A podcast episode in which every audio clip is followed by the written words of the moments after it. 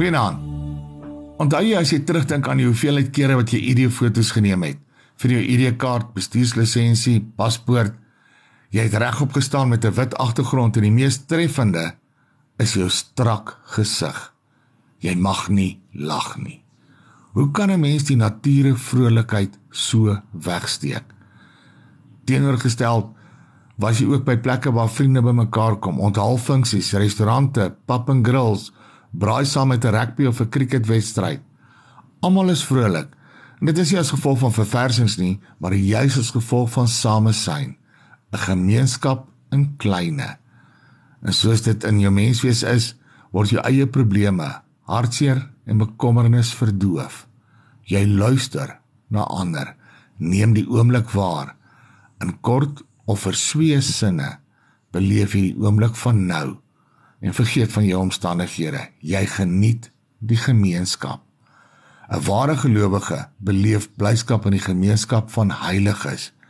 En dit is vir my 'n groot begrip. Wanneer die Here die sondaar geheilig het, is hy nie meer sondaar nie, maar heilig. Mense sal altyd die etiket van sondaar bevestig of uitwys. Die Here nie.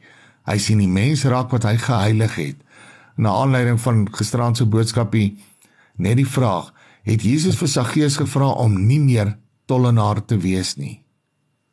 Tog het die Here met blydskap Saggeus ontvang.